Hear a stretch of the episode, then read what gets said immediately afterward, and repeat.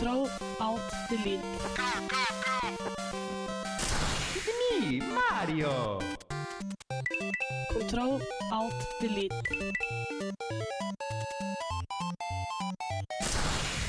Unable to comply.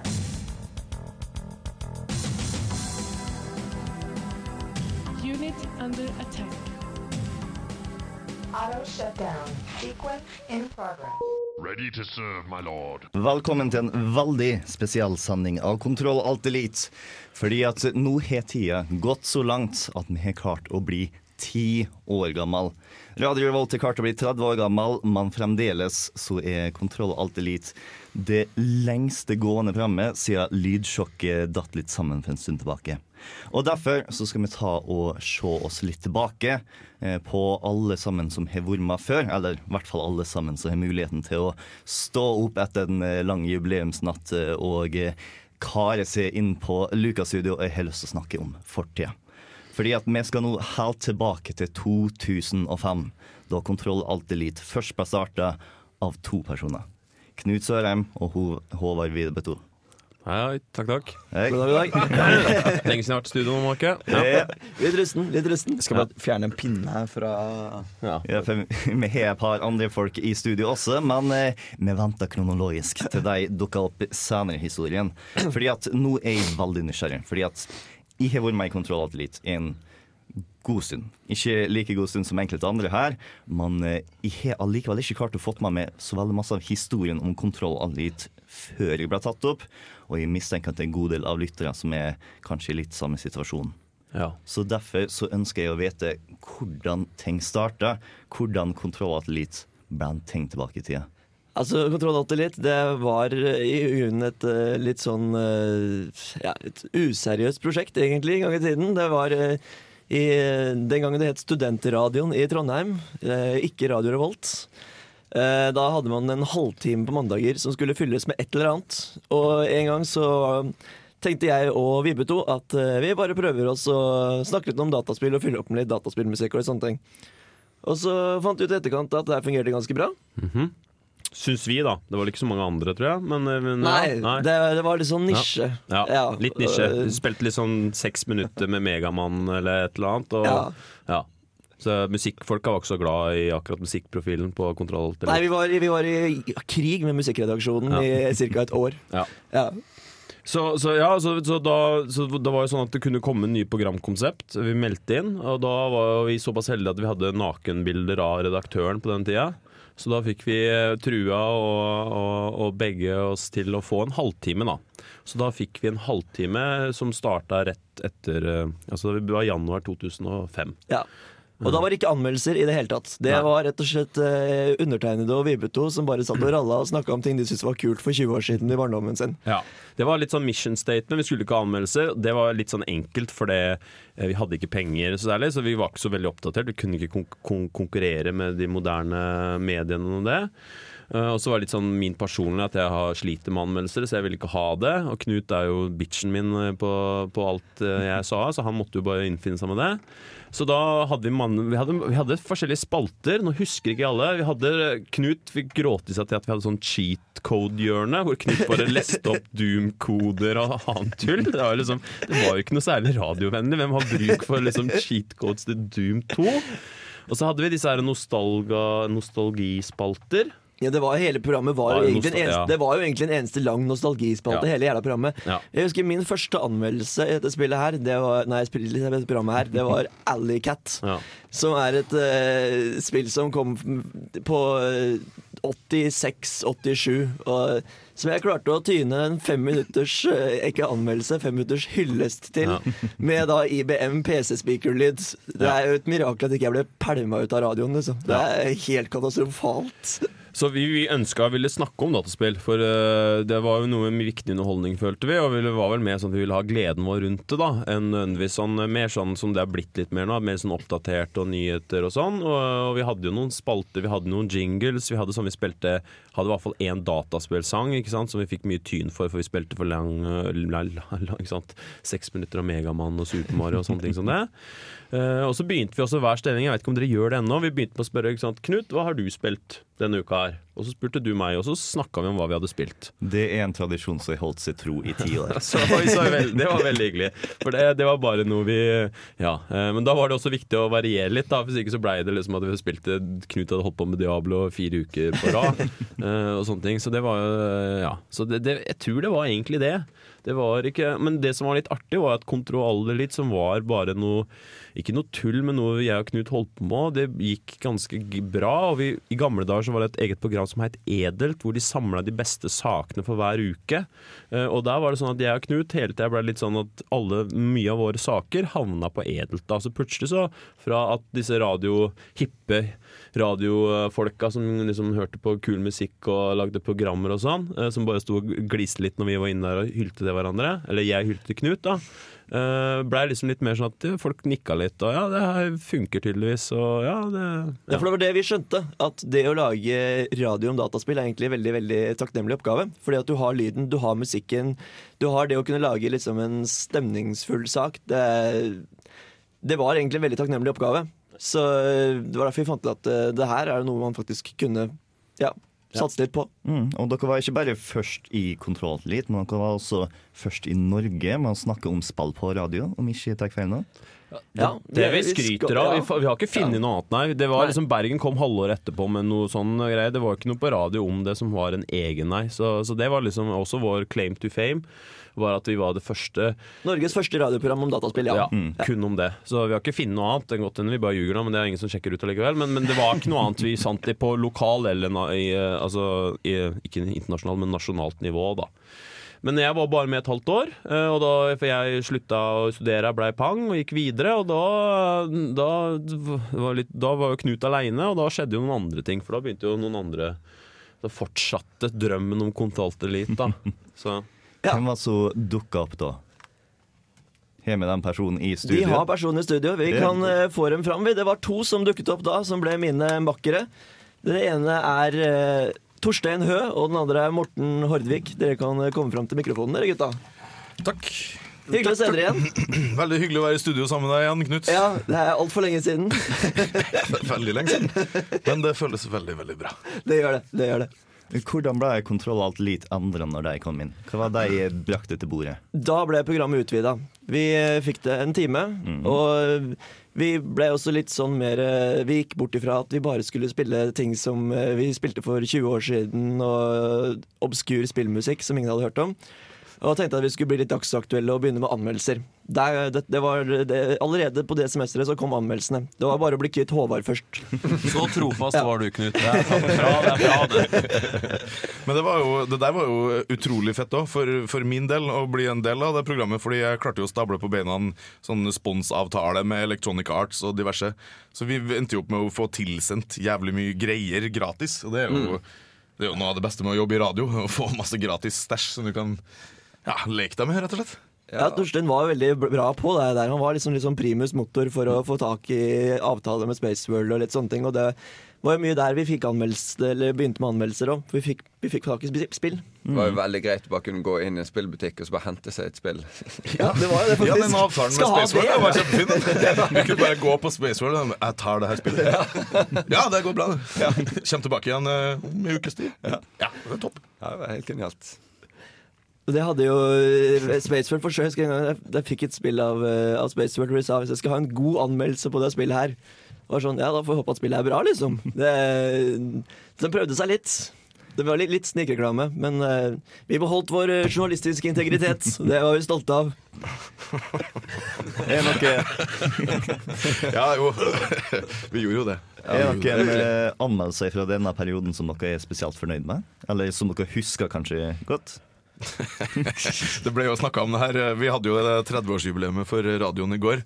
Og da kom jo den, eh, den ene anmeldelsen opp, der eh, som Knut Sørheim sto for. Den der Tasty Shafts, er det spillet het? Ja, men den var fra 2009, så du er, Ah, ok, så det er litt senere i- du er litt sent for litt- kronologien. Du er litt for Men, eh, men den står fortsatt frem som en av de Ja. bedre. Det er et slags sånn her japansk pornospill, da, skal man si det? Ja, ja. Der, det, ja. Men det får vi komme tilbake til, tror jeg. Vi, vi, vi venter litt med Tasty Shaft hvis vi kommer tilbake til det i det hele tatt. Det Men det som, det som vi kan trekke fram der, er jo klart at fordi at I studentradioen på den tiden så hadde man hvert, eh, hver jul og hver sommer så hadde man da en slags sånn eh, sommerfest og jule, julebordaktig ting.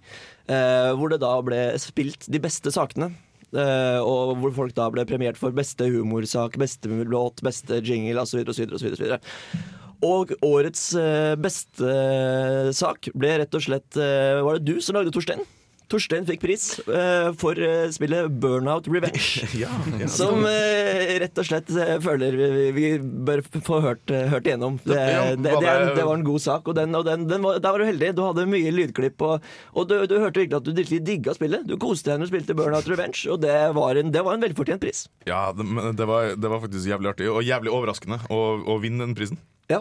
For jeg kosa meg bare. Jeg hadde egentlig bare klippet litt på måfå for å få lyd, rett og slett, i den saken. Men det, ble, det lydklippet ble så ekstremt at eh, det, den anmeldelsen bare toppa alle skalaer. Det, var- det var jævlig morsomt. Ja, det var funka.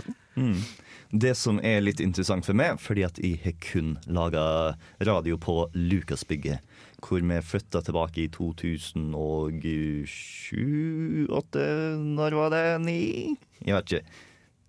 Knut? 2008 var det vel det kom inn her? Ja, ja. 2008. Ja. Men før den tid så var vi ikke bare en gjeng på Samfunnet, men vi var en gjeng på Samfunnet. Da var vi oppe i kuppelen og tok oss sant ut derifra.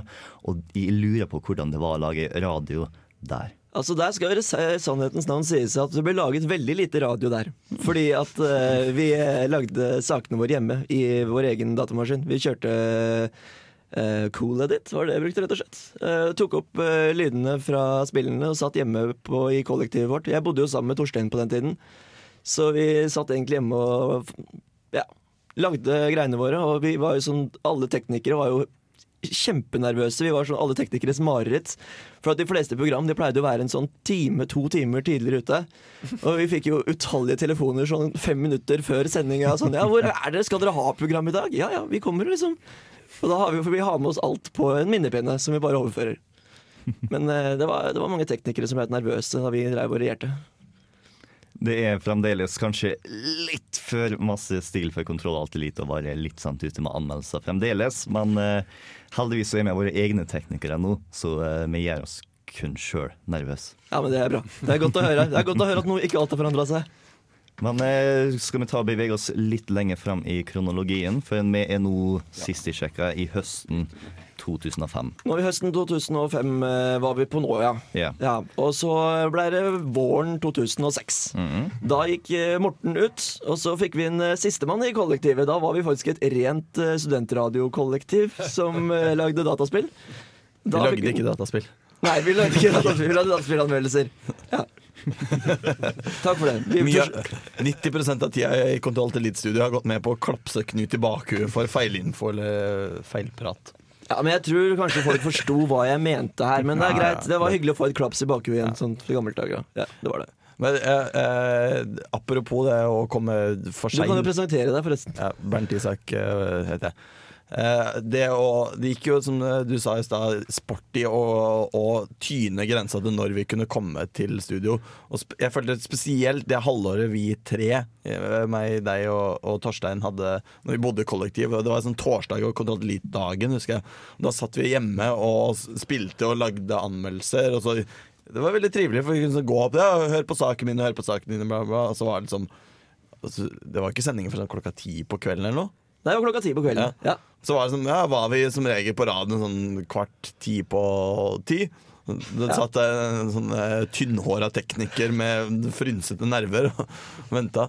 Eh, men eh, for å eh, eh, Hva heter det? Ja, whatever. Eh, litt seinere i historien, jeg slutta å lage anmeldelse og var kun programleder, så tyn, jeg husker en gang jeg tynte den der å komme seint litt for langt. Så jeg var sånn halvveis til samfunnet, så skjønte jeg bare faen, jeg rekker ikke å være der til det begynner. Da ringte jeg opp, og så sa jeg sånn Hei, jeg tar åpningsstikket fra telefon. Så du vet du har blitt for varm i trøya da. Er jeg blitt for André. Og, og enhver tekniker ville frika ut, unntatt den legendariske Kristoffer Koch, som satt i andre. Han så bare OK! Og så la han på før, før jeg hadde rekt å snakke ferdig. Så jeg bare Hæ? Så jeg ble tatt ut av at han tok det så greit. Så sånn langs Nidelva så tok jeg introstikket på Kontroll til Elite med introtid på Motorcycles No Evil. og fyrte i gang Kontroll til Elite og var kom joggende opp i kuppelen på Samfunnet til andre stikket. Heseblesende. Jeg, husker veldig godt det, det semesteret der, fordi det, det, det førte til at jeg kunne eh, ta i bruk en ny eh, ting i mitt sosiale liv. Jeg hadde en slags kjæreste på den tida. Jeg husker veldig godt at jeg sa til den kjæresten flere ganger Så sa jeg nei, vet du hva, jeg kan ikke gjøre de tingene nå i kveld. Jeg må faktisk hjem og spille data. For det, det er jobben min nå. Så nå, nå, må, jeg, nå må jeg spille data. Sånn har Håvard det, Håvard det den dag i dag. Så håper det hele tida. Nei, men Det var utrolig befriende. Uh, vi brukte mye tid på det der, og det var uh, sykt uh, faktisk givende. Og, og kan lage radio om noen ting som man bryr seg om. Og det, det, det satte jeg stu, stor, stor pris på. Ja. Et av mine aller beste halvår i mine altfor mange år i studentradioen var det halvåret vi tre hadde kontanter litt sammen. Det var, liksom, det var en sånn uh, fusjon, eller hva skal jeg si. Det, det bare funka så bra, det, det Det halvåret der. Det ble produsert utrolig mye. Jeg tror det var det halvåret der du lagde Burnout eh, Revenge og Nei, det var halvåret, med, halvåret før det. Det var, det var, det var helt første å begynne. Første halvåret. Det var veldig overraskende. Ja, full kontroll. Bare, bare. Til forandring. Apropos kontroll, eh, jeg er litt nysgjerrig på hvorfor dere valgte navnet Kontroll Alt Elite tilbake i dagen. Da må vi grave opp Håvard Viveto. Har han gått ennå? Nei, det er han faktisk. Ja, det. Ja, Ja, det det. Ja, Nei, men eh, eh, Hvorfor vi kalte det det? Ja, kan du huske det, egentlig? Nei, altså, jeg, vi satt og tenkte på veldig mye navn frem og tilbake. Så tenkte jeg at vi måtte liksom forsøke å finne noe som folk eh, Ja, altså det, det var jo det forbinder med data. Det, Ja. det var mange navn frem og tilbake. Jeg husker, men jeg husker ikke noen alternativene våre, egentlig. Nei, jeg tror altså Det var vel for altså, Både vi og jeg og Knut spilte mest PC på den tida. Eh, jeg er vel alltid fortsatt en sånn PC-gamer. eh, men, men eh, Så det var jo egentlig ikke så veldig bra navn hvis du tenker på at det skal signalisere spill. Det kan jo høres mye ut som et dataopplegg. Ikke sant? Vi skal snakke om Mac og Linux og alt det greiene her. Så det, det avslører litt også hvordan det var i starten. Eh, det var vel bare at eh, det er en sånn eh, god gammeldags nerdeting. At nå liksom all else fails, control alt elite. Ikke sant? Uh, det, det, det er, når du påpeker noe, så henger du ikke sånn sett på greip. For det er jo ikke noe som handler om spill. Det er jo mer en tilknytta en kommando i et operativsystem som alle nøler tenkte når, når spillet hang seg. Så kontroll alt elite hadde uh, for å komme ut igjen uh, hvis ikke du fikk alt tabba og måtte ristarte. Så Men det har også skjedd en del med dataspill på de åra, de ti åra der. At Mm. dataspill var kanskje mer en nerdegreie som var for spesielt interesserte. Ja. Og det var jo slik at folk så litt rart på oss og lurte på hvem er disse folka som står i studio og spiller rar musikk og, og banner til hverandre og snakker om ting vi overhodet ikke skjønner skitten av. Eh, det var den gang da. Det, det er, nå er det jo slik at dataspill er blitt mye mer allmenneie, og der folk spiller Jenter spiller mer, gutter altså, Så det Kontroll Alt Elite var på en måte Det passa egentlig fint til at det bare var sært og smalt, Ja. rett og slett. Ja, så det, så, det, så det var ikke noe særlig det er, Beklager om å skuffe deg, egentlig. Jeg tror ikke jeg huska vi diskuterte eller noen ting. Sannsynligvis var det jeg som hylte til Knut, som det var i gamle dager, om et eller annet. Og så sa Knut ja. Nei, men vet du, kom, jeg, jeg, husker, jeg husker at vi kom fram til at da navnet Kontroll kom på bordet, Ja. så husker jeg at da var en unison innom at Ja. det er jævlig bra! Ja. Det går vi for! Ja, jeg ikke Det det, var noe Og så var det tilbake på Magic, tror jeg sikkert. Ja, det var vel det, Ja, ja, jeg tror ikke det var så Ikke noe belte. Nei. Jeg, jeg belte ja. Apropos, eh, apropos Magic, jeg må bare skyte inn. Eh, eh, for jeg har jo jobba i, i litt sånn servering- og utebransje ganske lenge. Eh, bare for noen dager siden så kom Jørgen Hegstad fra P3 eh, eh, Fame. Ja. Var innom sammen med en kompis. De satte seg faen meg og spilte Magic the Gathering.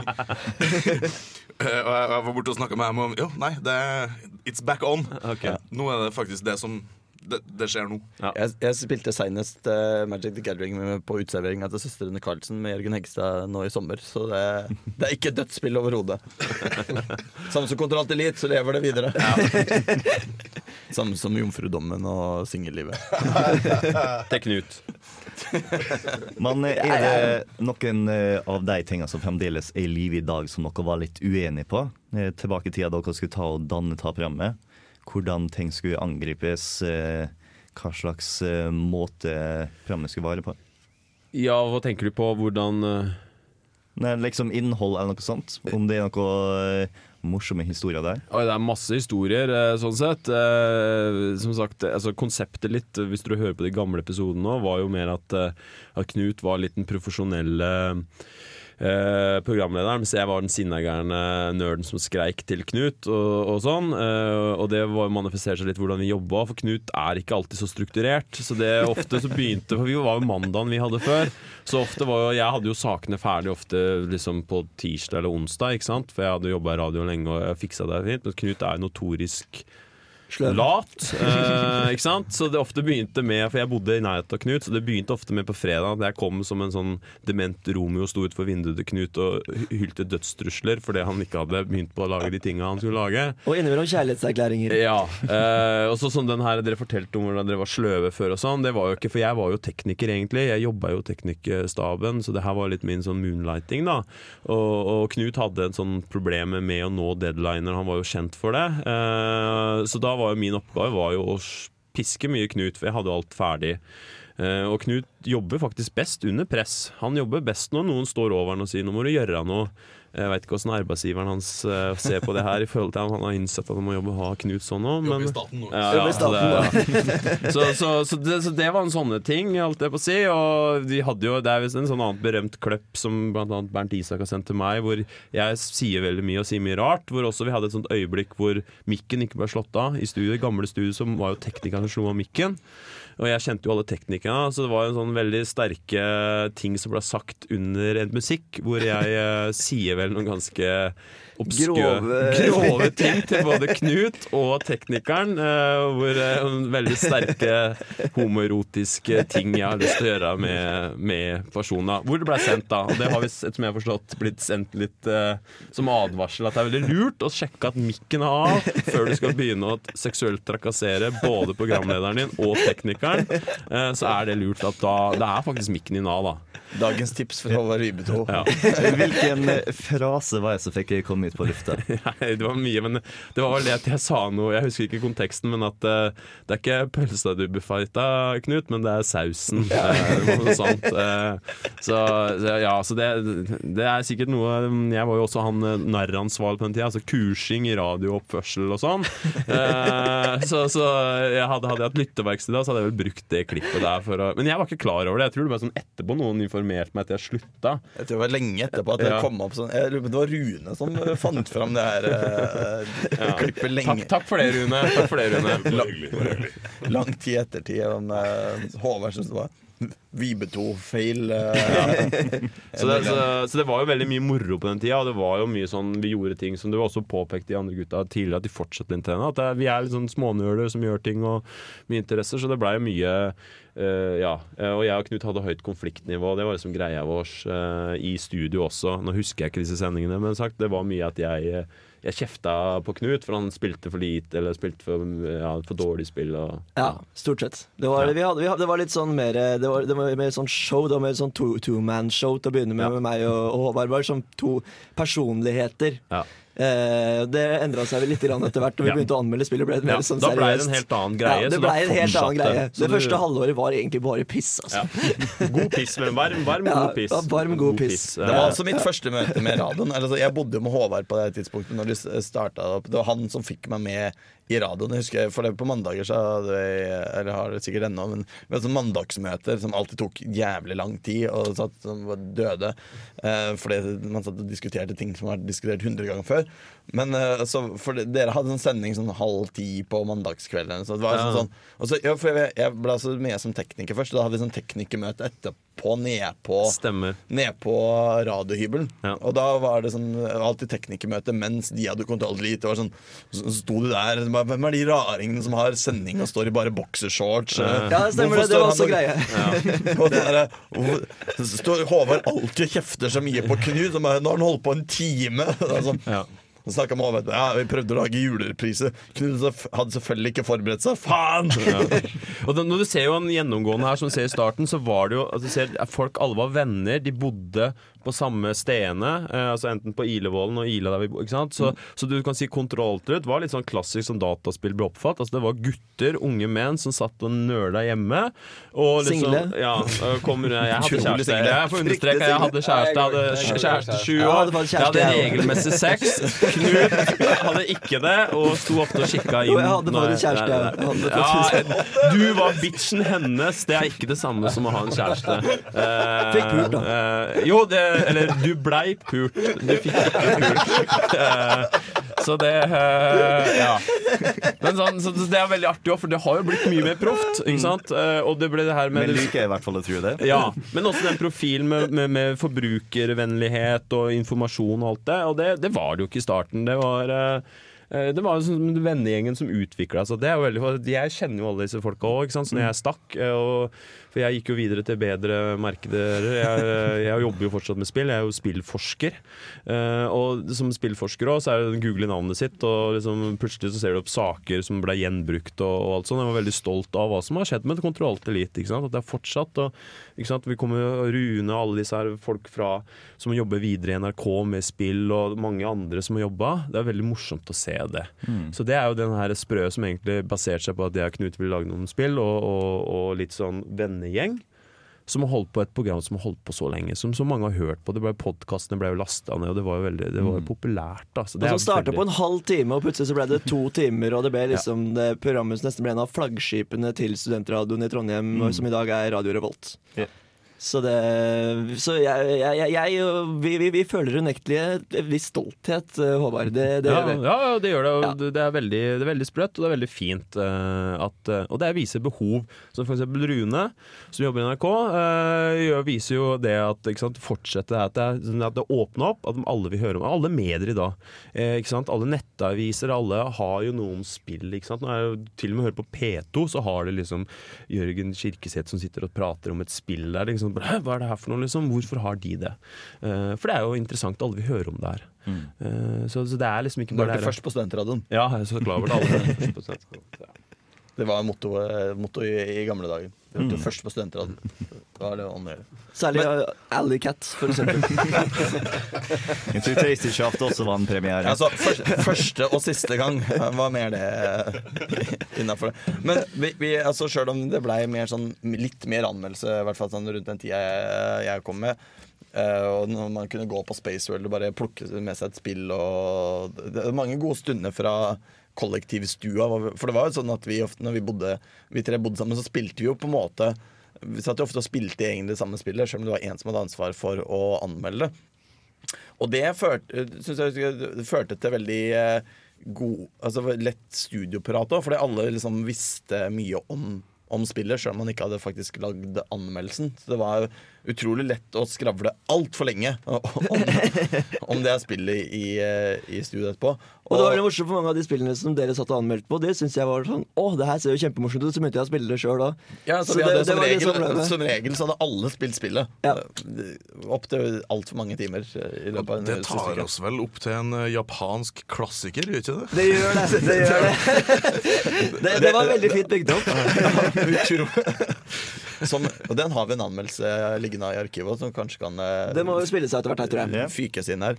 We Love Katamari, Ja. som er et oppfølgerspill til Jeg husker ikke hva det første Det var et eller annet Katamari-spill. Det er det mest obskure og weirde spillet noensinne. Som er, jeg husker ikke hvordan det kom inn, eller hvorfor vi fikk tak i det. Bare, det på et eller annet vis bare dukka det opp, og så begynte vi å spille. Det var uh, spill til PlayStation 2, hvor det er på en måte sånn eh, eh, det er sånn der som å lage snømann. Som å rulle en snøball som blir større og større. Bare at det, det er ikke snø, det er alt ting. Så du kan måtte Det høres er hele verdenen du driver på med. Du må bare begynne i det små. Ja, du må begynne i det små. Og så bare ruller du opp ting. Så du kan rulle opp alt som er eh, på en måte mm, mindre enn det, den ballen du har liggende. Og så er det egentlig bare så er det masse forskjellige baner, så ender, så skal Men man her bare er bli storyen litt viktig å få med seg, for kongen av kosmos har blitt drita og ødelagt alle stjernene i galaksen. Og Ja. det er det du skal gjøre. Du skal samle opp nye stjerner. Ja, du, ja, så du skal bygge nye stjerner og planeter ja, og putte dem i kosmos. Så det var det, det hver bane slutta med. Bare oh, that's nice, let's pop it into cosmos. Psh. Som førte til at vi i kollektivet eh, hadde noe som egentlig tror jeg var et teppe, men som var hengt opp som veggkunst. Som vi døpte om til Kosmos. Så når vi fant rare ting på bakken eller sånn Ting vi tok med oss hjem i fylla. Ting vi tok oss hjem i fylla Så ah, let's pop it into Kosmos. Så vi lagde vår egen kosmos på veggen hjemme i kollektivet. Der hang det jævlig mye rart. Ja, det gjorde det. Veldig mye rart. Det ble samla på utrolig mye der i løpet av sånn fem-seks år. Ja, det var trist å kaste det teppet, faktisk. Ja. Det, det var faktisk Men du, hygienisk korrekt. du, du vurderte om du skulle ta vare på kosmos. Ja, jeg tenkte, jeg vurderte det seriøst. Men Må eh, vi kaste det? samboer ja, var ikke, det er samboer var ikke åpen for å henge det opp. Det var jo, det var jo et sånn her uh, gulvteppe uh, som hang på veggen. Det så litt Med tegnestifter og nåler og dritt. Og det var masse papirlapper og alt mulig slags skrot som bare var Jo mer som kom opp der, jo mer så det ut som noen bare hadde liksom spraya lim på et teppe med masse drit som lå på gulvet, og så hengt opp etter det. Akkurat som en katamari. Ja. Så når man, når man egentlig tenker tilbake på det, så uh, Jeg tror aldri omgivelsene mine har blitt så påvirka av et dataspill før. så, så Katamari skal ha kudos for det, rett Og slett. Katamari hadde et fantastisk soundtrack. Eh, Jeg hadde dette soundtracket på min flotte MP3-spiller, og jeg gikk og vandra rundt i Trondheims gater med soundtracket til Katamari. Som er rimelig surrealistiske greier, men det bare fungerte veldig fint. Det Var ikke du som sovna på sofaen en gang, Torstein? Så, Jo, for faen! I, i ventemenyen så står det sånn så står det sånn fyr og hopper, så bare sier han hjemme sånn Origami! Origami! Sovna på sofaen eh, etter eh, antageligvis et par øl. Ja. så ja, Ja. Eh, måtte jeg høre på det da, hele natta. Jeg tror vi kan ta bevege oss litt vekk fra Katamari og så litt fram i kronologien. Fordi at nå har vi vært på våren 2006, og hva er det som skjer etter det?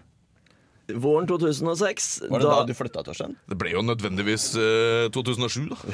Ja, hvert. 2007. Vi, vi holdt et år, vi. Men ja, nei, jeg, jeg flytta et år, faktisk. Det var vel akkurat da, det 2006. eh, Sommeren 2006. Så dro jeg ut av det kollektivet på Ila, og så bodde jeg i Australia et år. Ja. Og da eh, dukka vel Kristoffer Koch opp. Eh, i Han var kanskje kollektiv- ikke så mye inne i programmet. Han var ikke i programmet i det hele Han tatt. kom inn i kollektivet. Men, Men, eh, men vi fikk inn en, vi fikk inn en fjerdemann. Uh, tredjemann. tredjemann ja. Og han, var, og det, han starta jo egentlig som teknikeren vår, men så fant vi ut at han liker jo dataspill. Så han tenkte at hm, ja, men da tror jeg jeg kan eh, bli med og lage radio om dataspill. Og han er vel kanskje den navnet som kanskje folk kjenner igjen, hvis det er noen som eh, Ja. Av noen av oss som er kjent her, så er det vel definitivt han. Eh, Rune Håkonsen, velkommen tilbake igjen. holdt jeg på å si. Eh, God aften. Det, sånn, eh, si. det blir veldig av den litt bassdrevne stemmesorten i dag. Som sånn, selvfølgelig lærer etter et par år i, i Rikskringkastingens tjeneste. Du har så deilig stemme, Rune.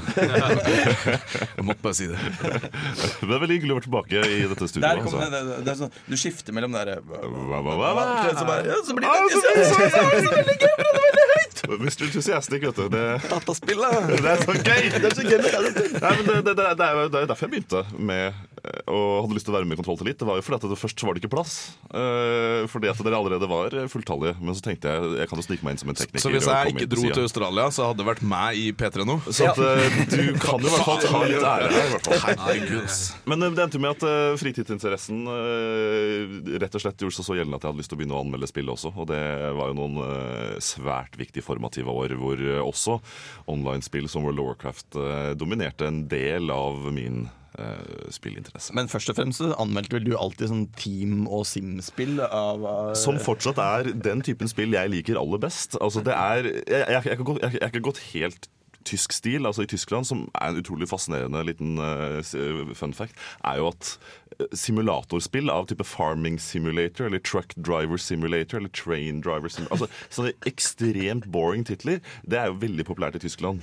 Ved siden av, ved siden av byggespill og strategispill, som er kanskje mitt hjerte nært. Så jeg, jeg skal ikke si at jeg har gått helt uh, tysk stil, men, men eh, jeg er nok kanskje den av oss her som, som ligger mest så i, i lende, kan jeg si det. Kan vi få en kjapp liten kommentar om uh, relativt nye Goat Simulator? Har du, har du vært innom det? Ja, og og det som er Nå har du jo også til og med lansert en liten oppdatering. Og utvida spillet med da en Goat Simulator MMO. Så du kan spille Ja, det er sant. Det er helt sant. Hvor de rett og slett ripper på World of Warcraft, så du kan ut og queste med geita di. Det er ganske gøy og ganske teit. Eh, eh, Men grei underholdningsfaktor det er tross alt det viktigste når vi kommer til akkurat den, eh, den typen spill. som det er, altså. Nei, men det er Måten du kom inn i programmet på, er litt sånn fremdeles typisk i Radio Revolt. Hvor du har teknikere som blir tatt opp til å trykke på knapper, og så sniker de seg inn i studio, så får de en mikrofon retta mot seg, og så plutselig så har jeg tatt over programmet. Det er jo kanskje fordi at også med en spillinteresse så ligger det en, en, en slags teknisk interesse. Og at teknikere gjerne øh, blir med og har lyst til å jobbe med det nettopp for å øh, få muligheten til å få gratis spill, som selvfølgelig var jo en viktig del av motivasjonen. Altså, alle, alle, hele kontrollateliet med unntak av meg og Håvard Nei, med unntak av meg, faktisk, har jo vært teknikere. Ja. det sant? Det, Det er det var tekniker. Morten er. Du var ikke var var det. var tekniker. Nei, meg og Morten. Det er unntaket. Du hadde bare sånn fjaseprogram om, altså, hvor dere snakka om Bergen. Ja. Hallaisen! Det Hallaien. Fyllesyk klokka det var, det var egentlig deres eget vorspiel-program. Ja. Ja, ja, det var vår medisin. Hallaien! Jeg må si for øvrig, Det er er også veldig hyggelig å være tilbake i studio og kjenne at fillesjuken forsvinner i en relativt eh, høyt tempo eh, ved litt eh, preik om eh, de viktige kjernetingene i livet, som selvfølgelig er eh, spill. Dype ord. det, det er også kanskje på sin eh, plass å nevne at Selv sjøl om vi skifta altså ganske kjapt etter at eh, Håvard eh, forsvant ut til en eh, i veldig gåsetegn eh, profesjonell retning Altså, når vi begynner med anmeldelser, så, så bevarte vi mye av Det var liksom viktig å holde på ånden med Vi hadde masse andre saker som eh, Vi hadde jo retro og gamer. Ja, ja, ja, ja, ja. Hvor, hvor, hvor, som var sånn, ikke en anmeldelse, men mer en sånn homasj til et eller annet. Ja, ikke Alicat, men uh, Jo, men altså, men det var det som var greia. Retrogameren var egentlig det, det eneste som ble holdt igjen av det som jeg og Håvard opprinnelig starta, for det var jo en hyllest til gamle spill. Og den blir eh, faktisk dratt fram en gang iblant fremdeles. Ja, men det er bra. Det er jo en fin tradisjon. Jeg håper dere bruker jinglen som er lagd. Jeg, jeg håper de bruker Retro gamers! Jeg håper de bruker Ukas Gadget-jingle som vi lagde. i sangen Ukas Gadget. Det var veldig bra. Det var veldig fin. Jeg husker vi, vi jobba med den. i går. Kjempebra. Jeg, det er altså jeg og Torstein og Knut som synger på Synger Ukas Gadget på den jingelen. Og jingelen er for så vidt et, igjen et poeng med at man liker jo duppeditter også som, ja. som, som control til liter, og at teknikeryrket var jo svært nært på, på, på hele, hele greia. Altså. Det er sant, det. Men hvordan endra seg når Rune kom inn?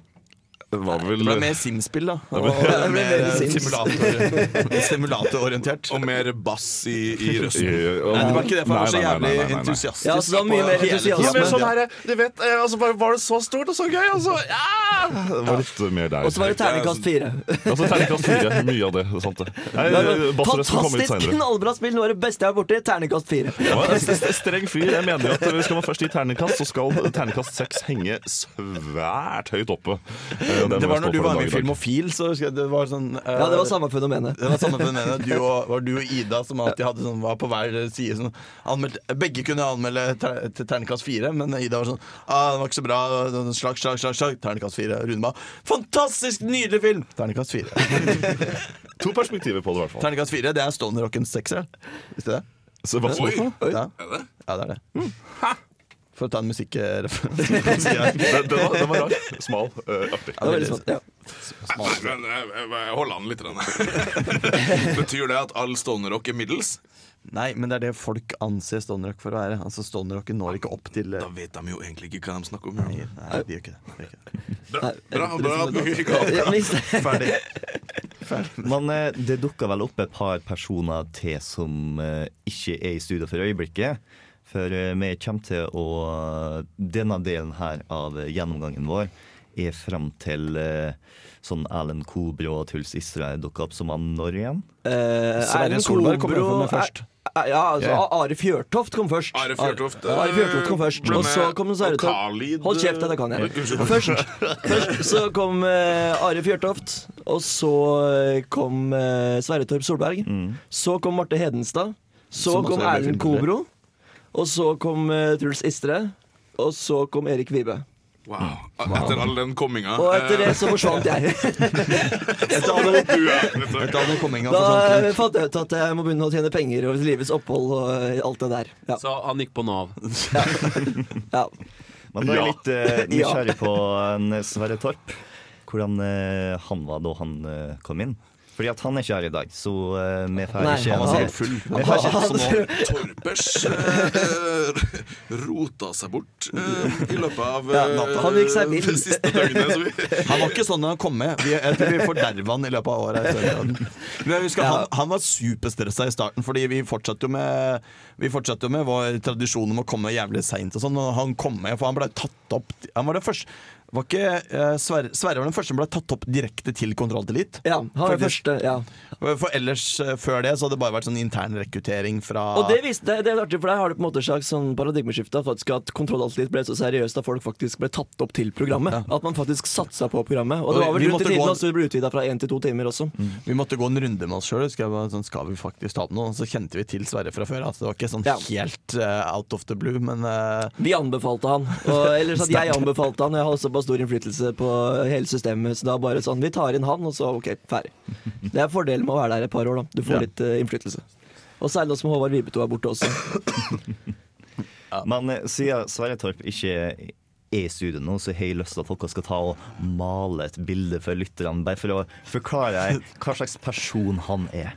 Skal vi male et bilde av Sverre? Et mentalt bilde.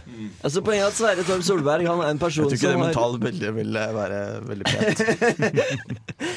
Altså, Sverre Torp Solberg, han eh, På radio så var han faktisk eh, veldig, veldig seriøs og skikkelig og flott gutt på alle mulige måter. Eh, så eh, lytterne ville nok eh, rynke på nesa hvis de eh, visste Eller hvis de møtte Sverre Torp Solberg en fuktig aften og lurte på er du den Sverre Torp Solberg som sitter på Studentradioen i Trondheim. Eh, for han var, han var faktisk, som, som Bernt var inne på her, han var den som virkelig Han ble jo tatt opp i programmet. Han var, eh, han lagde, han var suverent mest produktiv. Han lagde gjennomarbeida saker. Han var, han var veldig flink. den som møtte opp til tida Ja, og ble ja. dritstressa. Han, Ja. Jeg husker De første gangene så ringte han sånn superstressa en time før sending. Dere er ikke her ennå! Ennå? Vi pleier å komme ti minutter før sending. Kiss. Vi bruker jo å ta åpningsstikket på telefon. Så Slapp av litt, da. Kul uh, Kul reka, eller ja, whatever. Uh, nei, han var jo, han var jo en uh, veldig, veldig dyktig fyr. Han kunne veldig mye. Og han Mm. hadde et uh, vel så eh, Han blei jo på en måte Men altså, det igjen, da. han ble en del av kameratskapet. Han eh, gikk jo fra å være en perifer figur som egentlig var ja, Egentlig så var han en eh, bekjent av en, uh, en sistemann i kollektivet vårt, til meg og Bernt og Torstein. eh, som ikke var dataspillinteressert. Hva han gjorde i det kollektivet, det skjønner jeg ikke. Men han var med her i studentradioen. da Det er, Det var han. det er faktisk ikke helt sant. Eh, Jeg og Sverre har jo vokst opp eh, omtrent sammen. Vi gikk jo på videregående hele dritten, så jeg, kjenner Sverre veldig godt fra, fra gamle dager. Ja, okay, men du var- Så jeg dro ut av landet, og så hanka dere Sverre inn. Ja, Så du var ikke involvert i prosessen? Nei, nei, nei, det var det ikke. Nei. Fra- Du, altså, Sverre kom inn, som sagt, i, gjennom et, uh, et nachspiel i, i kollektivet mitt. uh, hvor jeg kom i prat med Sverre Torp Solberg, og ja, han var en, hyggelig fyr, han der. der og det var vel sistemann i kollektivet som sa ja, han er jo interessert i dataspill og sånn. Og så skjønte vi at hm, ja, men nå er jo litt sånn utskiftninger på gang i Kontroll Alt Elite, så kanskje vi skal vurdere å få med en sistemann. Og Mm. sånn havna egentlig Sverre Torp Solberg inn, da. Ja, Og det ble profesjonaliseringen av Kontroll Alt Elite. Da faktisk såpass profesjonelt at han endte opp med å bli radioredaktør i sin tid. Ja, han var redaktør i to år, faktisk. Mm. 2008-2009. Nei, fordi En ting som eh, vi i hvert fall nå i det moderne kontrollantet har lagt merke til, er at vi har en eh, funksjonær forbannelse over oss. Hvor alle sammen som er med i Kontroll Alt Elite, ender opp med å ta på seg enormt masse ansvar utenfor programmet også. Eh, jeg har vært nettredaktør og kulturredaktør. Vi har den påtroppende Radioredaktøren er, gikk fra Kontroll Alt Elite, personalsjef, gjengsjef, daglig leder i Radio Revolt. Alt mulig rart har vi i Kontroll Alt Elite.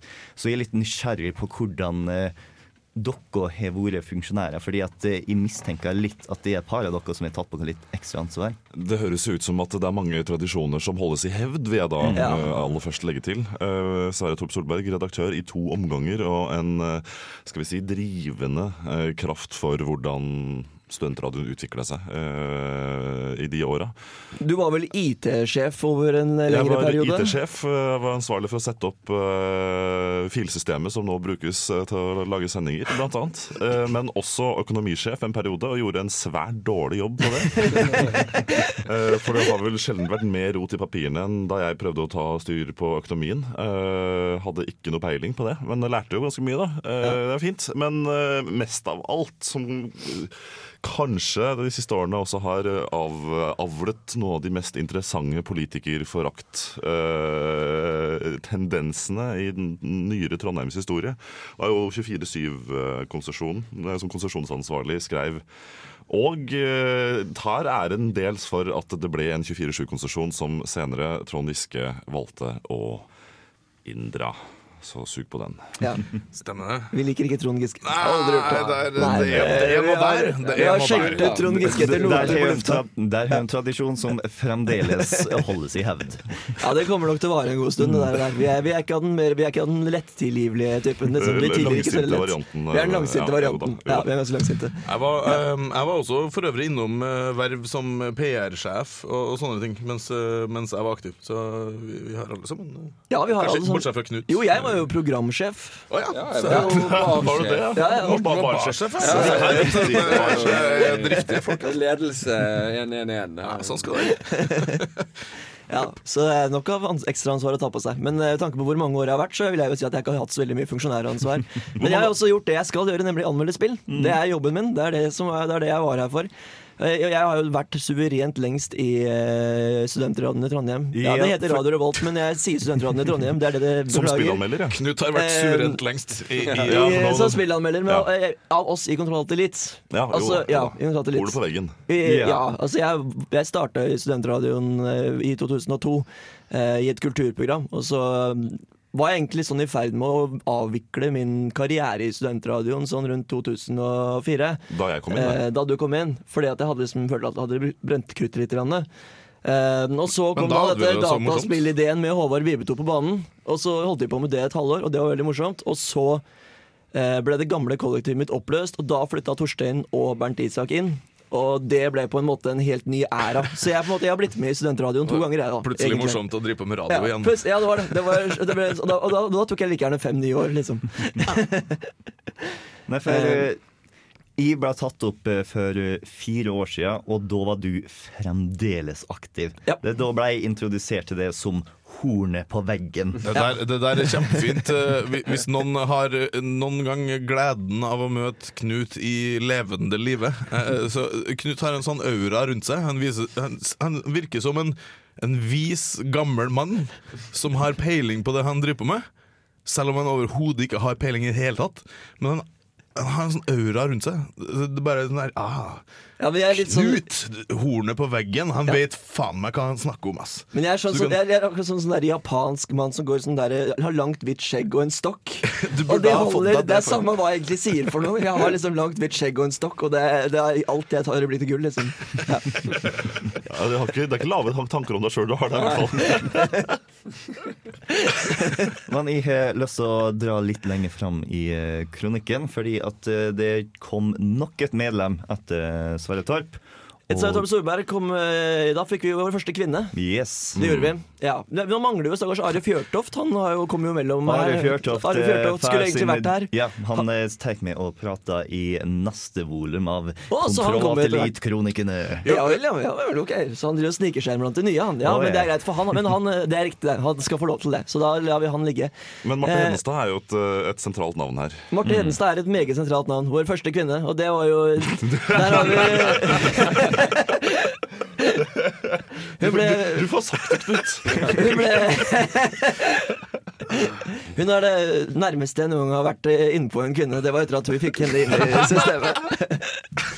Nei da, jeg bare kødder. Men eh, det var, eh, det var veldig morsomt. Det, eh, jeg husker vi hadde noen eh, Vi hadde, vi hadde sånn derre festival, Teipfestivalen, for en del år siden. Og da hadde vi en avtale med et firma som het X Games, som var deltidssponsor, holdt jeg på å si. Så drev og forsynte oss med litt sånne ymse ting. Og hadde, drev og kjørte del på eventer og sånn. Og da skulle vi ha et møte. Et sånn møtekontroll møte, Kontroll Alt Elite møter da eh, ledelsen i dette X, eh, X, eh, X Games, ja. Det? ja. Og da husker jeg at han der fyren eh, Han eh, kom da og møtte oss eh, på Lukas. Eh, hvor da jeg sitter sammen med henholdsvis Marte Hedenstad eh, og en til. Og hvor denne fyren her da strekker fram hånda og hilser på alle sammen, og deriblant Marte Hedenstad. Eh, og liksom sånn, ja Hva gjør du her? Ja, han vil spill! Ja, så, så det var tydeligvis det, det, det var tydeligvis veldig brudd med hans forestilling om eh, hva som var programledere i et dataspillprogram. Det var tydeligvis Marte Hedenstad et veldig brudd med. Eh, og med Marte Hedenstad så fikk vi jo omsider inn en World of Warcraft-spesialist. Hun har tilbrakt ufattelig mange timer her sammen med sin eh, ektemann. Som Ja. eh, nå begge to er igjen i gang med Warlords of Drainer, utvidelsespakken som kom for eh, Ja. to uker siden.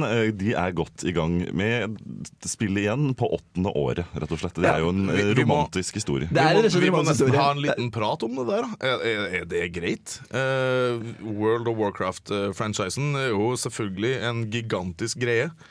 Men er det så mye innhold og uh, kvalitet at man kan drive på med det år etter år etter år? Altså, Åpenbart at noen gjør det, men Jeg tror, tror- nok ikke for de som altså Interessant nok så har jo uh, nesten tre millioner uh, vendt tilbake til World of Warcraft eh, og begynte å abonnere igjen. Så de har jo over ti millioner eh, brukere som betaler månedlig fortsatt.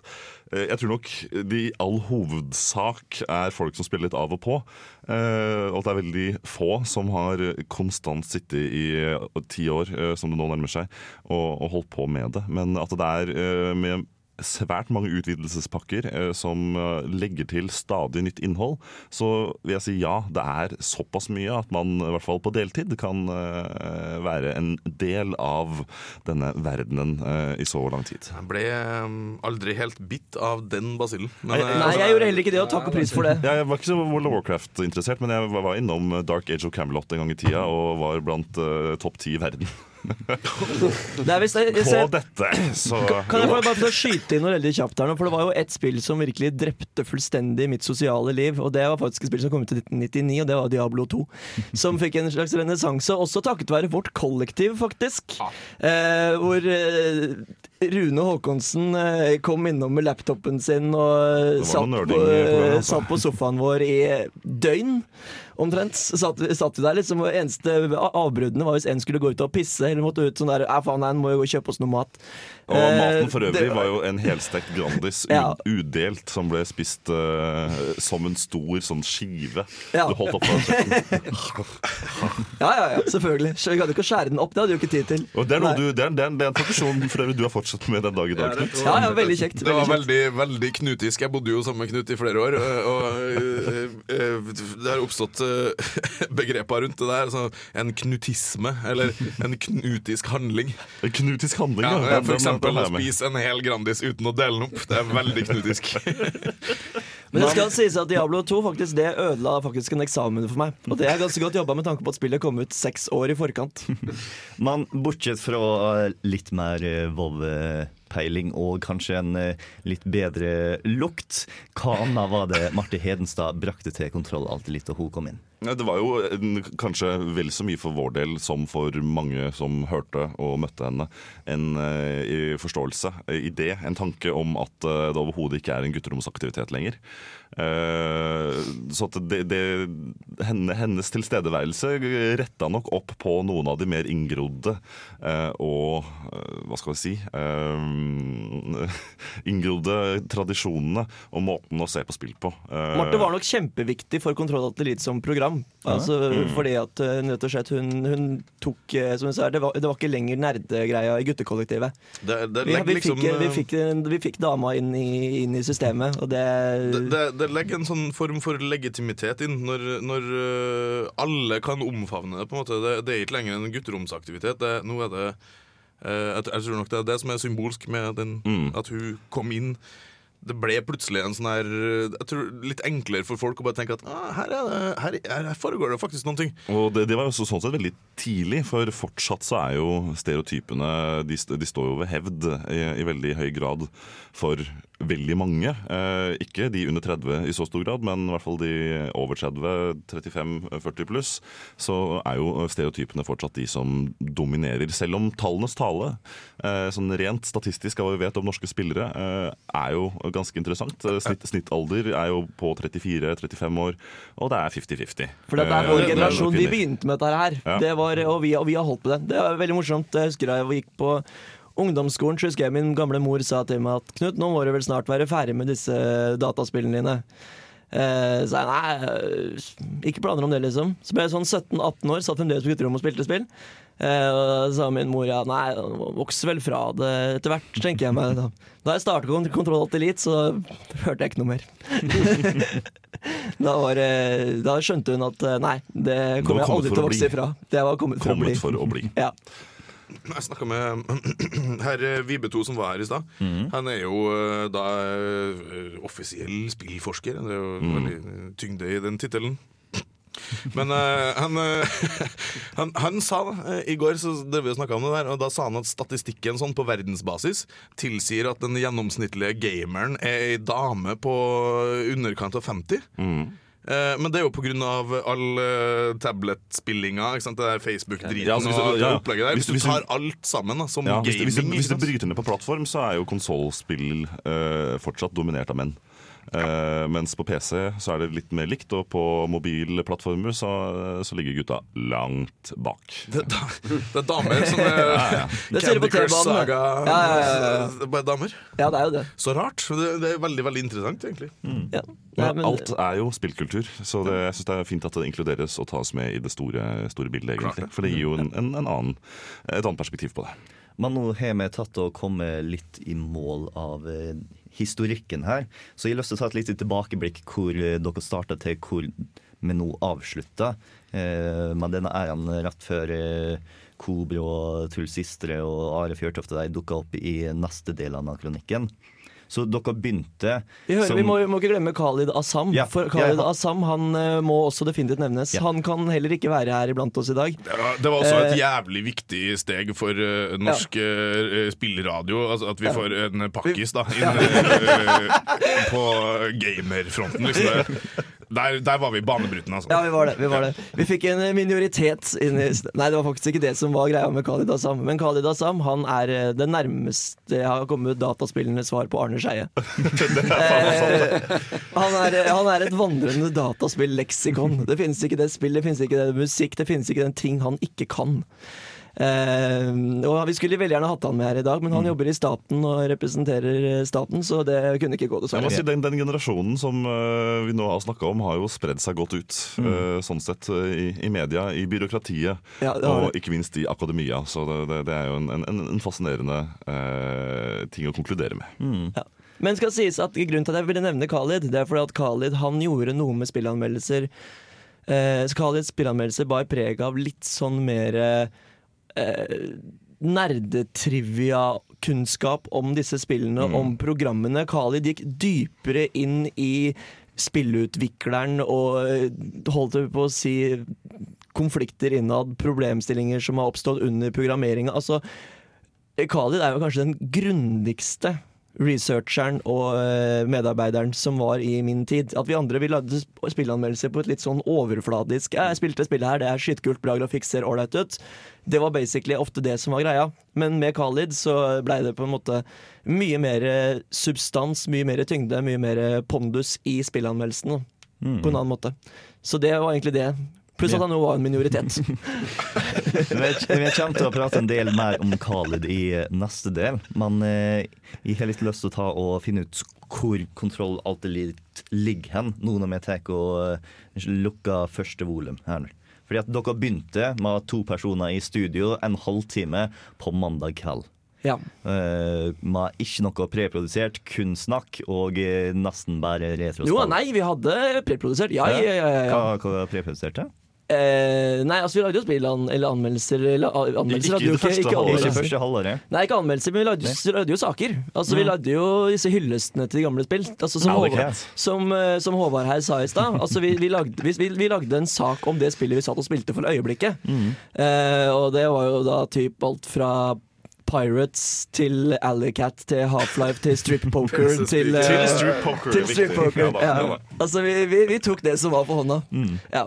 Så eh, det var jo Det var ikke noe substans i programmet i det hele tatt. Det var jo et tullekonsept. Det var starten. Det var starten, ja, rett og slett. Så vi hadde Men vi, vi, vi, det var grenser så mye man fikk til. For det var en halvtime, og det var det vi skjønte fort. At halvtime går fort. Mm. Det gikk for fort når du har spill og du har musikken og du har så innmari mye. Og, skal vi, Det tok jo ikke lange tiden før programmet ble utvida til en time. og senere til To to, timer. timer, Ja. som, Ja. hvor kanskje denne krøniken rett og slett øh, kommer til veis ende. Ja, nei, for eh, når er dere ble to timer? Oi, det er et godt spørsmål. Det var 2007, tror vi. Ja. 2007-2008. Nei, 2007 tror jeg faktisk. For jeg Mm. tror vi var to timer. Jeg tror det stemmer. Ja. Mm. Og eh, hvordan påvirka det programmet å ha så masse mer boltreplass? Vi måtte ha musikk, da. Mer musikk. Eh, skjønte at det faktisk er noe som heter radiofaglig eh, konstruksjon av et program, som også betyr at folk ikke bare er interessert i å høre på de som sitter og preiker, eh, men at også kan ha noen dobbeltlåter innimellom. Det er faktisk lov, for før så var det jo gjerne sånn at vi bare kutta spilte to-tre låter på en time, som bare var nøddeling av sendinga. Eh, så det, det, det betød jo at det ble et mer fullforma radioprogram, mm. eh, mener jeg i hvert fall. Ja.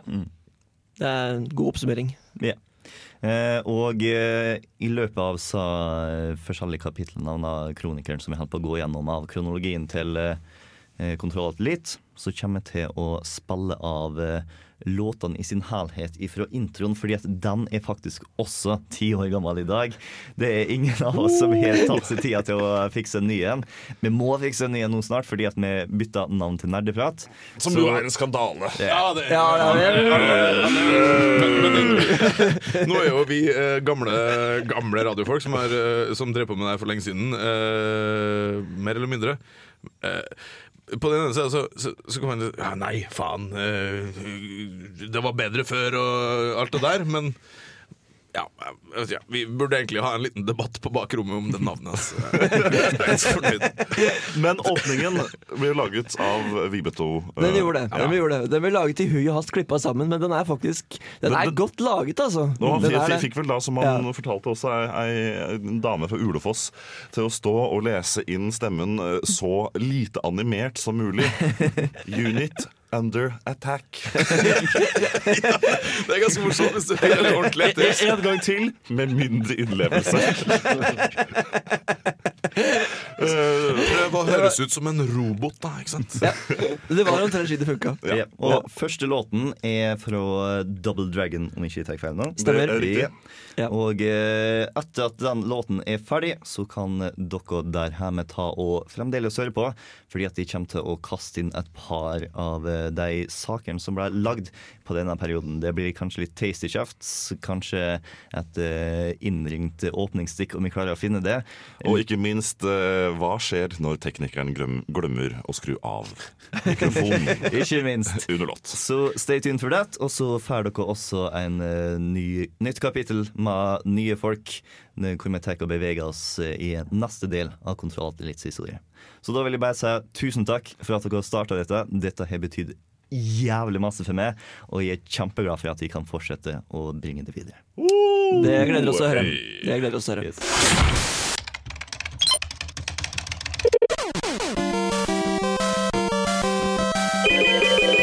Kontroll, alt, delete.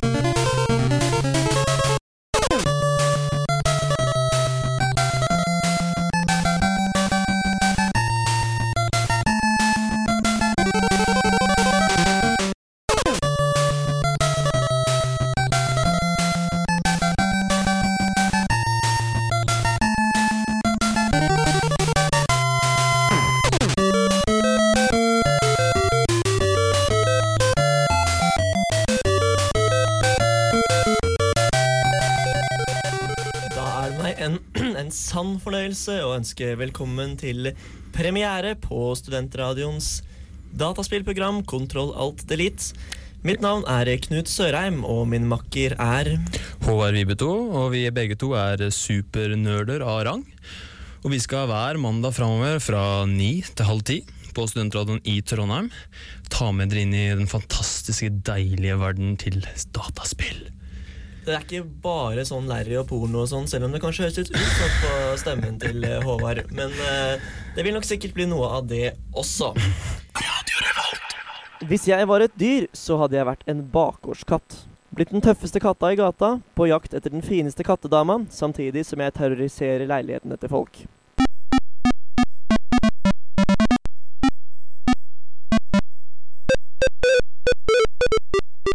Takket være Bill Williams er dette en drøm som jeg har kunnet leve ut i flere år. For i 1984 kom nemlig spillet Alley Cat ut.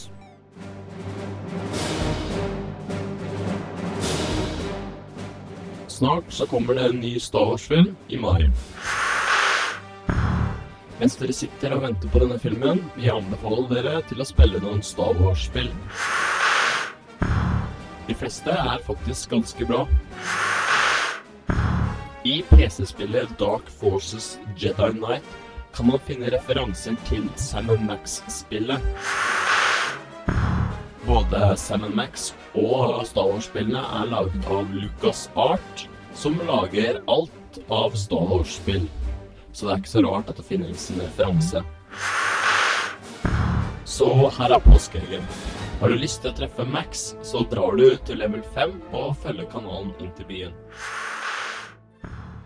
Burnout Revenge er hovedsakelig et bilspill, men det er ikke som alle andre bilspill.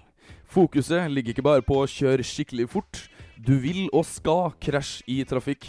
Du skal mose motstanderne dine til totalvrak, og du skal gjøre det med stil.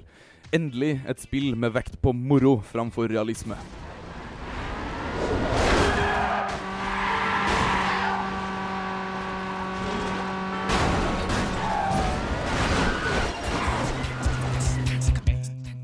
Love Katamari er kanskje det rareste spillet jeg har prøvd på lenge, og jeg kan godt skjønne at produsenten ikke hadde tro på at det ville nå et stort publikum.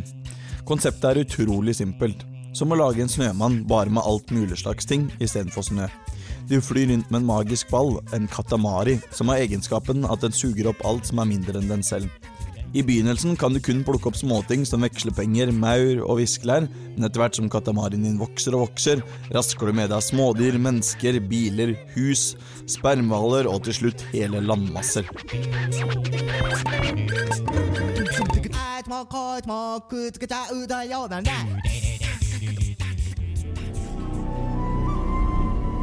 Sakte nærmer Altair seg, skjult bak en gruppe munker kledd i hvitt, akkurat som han. Sekundet der Altair og Gabriel møtes, oppleves som minutter. Deres to skjebner knytta sammen i et håpløst øyeblikk. Idet Altairs kniv skjærer gjennom legens sorte kappe og inn i den gamle doktorens allerede skada nyre. Legens øyne lyser opp. Pupillene hans stiller skikkelsen et siste spørsmål. Hvorfor meg? Skikkelsens hode løftes bakover, og øynene deres møtes. Fordi du har påført denne byen ingenting annet enn smerte. Fordi du har sveket folket som stolte på deg. La folkets smerte bli din, og din død blir folkets lindring.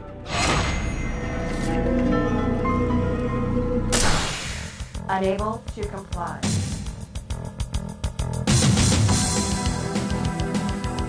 Unit under attack. Auto shutdown. Sequence in progress. Ready to serve, my lord. Da er det på tide med Kontroll Alt Elite igjen. Det er torsdagskveld. Og som vanlig så er jeg, Bernt Isak Wærstad, ute og spaserer min vanlige torsdagskveld. Torsdagstur ved Nidelvens bredder. Men eh, med meg i studio så har jeg jo Rune Håkonsen og Knut Sørheim. Hei, hei, Bernt. Hallo. Hei, Hei, hei. Hyggelig å høre din fagre røst. Jeg sier jeg er ute og går ved Nidelvens bredder. Er du langt unna nå, eller? Nei, jeg er jeg nærmer meg snart, vet du. Det er flotte greier. Eh, Jeg må si Det er fantastisk at man kan ha slik utrolig bra teknologi at man kan klare å kommunisere gjennom mobiltelefon. altså. Ja, det er fantastisk hva teknologien kan gjøre nå til Ja, det er helt fantastisk. Sånn var det ikke under krigen. Nei, nettopp.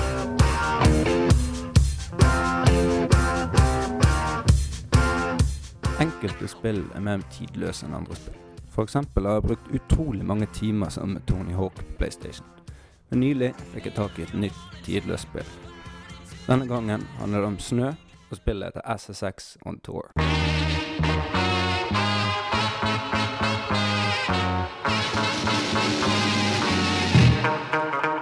Det første som møter deg i SSX er en utrolig kul layout i menyen.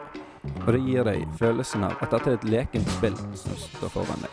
Slik det faktisk er.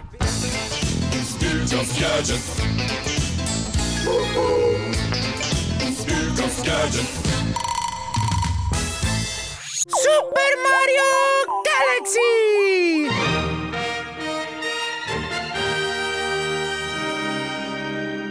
Super Mario Galaxy får den absolutt høyeste karakter som er mulig å gi. S. Særdeles godt. Jeg har ikke sett et spill som er så revolusjonerende i sin sjanger noensinne.